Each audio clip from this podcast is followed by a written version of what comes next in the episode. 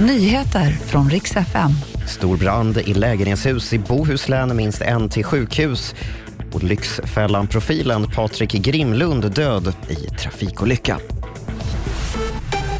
God morgon. Vi ska börja i Munkedal i Bohuslän där en stor brand bröt ut i ett flerfamiljshus tidigt i morse. Tre lägenheter i byggnaden brinner och minst en person har förts till sjukhus med ambulans. Och räddningstjänsten har beslutat att låta fastigheten brinna ner. Polisen ska nu utreda allmänfarlig vårdslöshet. I USA har flera hemligstämplade dokument hittats i ett skåp på det kontor som Joe Biden använde innan han blev president.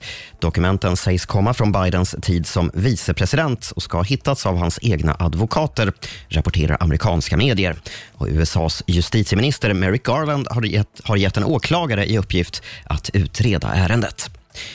Och vi avslutar med en mycket tragisk nyhet för tv-profilen Patrik Grimlund är död. Han är kanske mest känd från TV3s Lyxfällan som han ledde tillsammans med Magnus Hedberg i många år.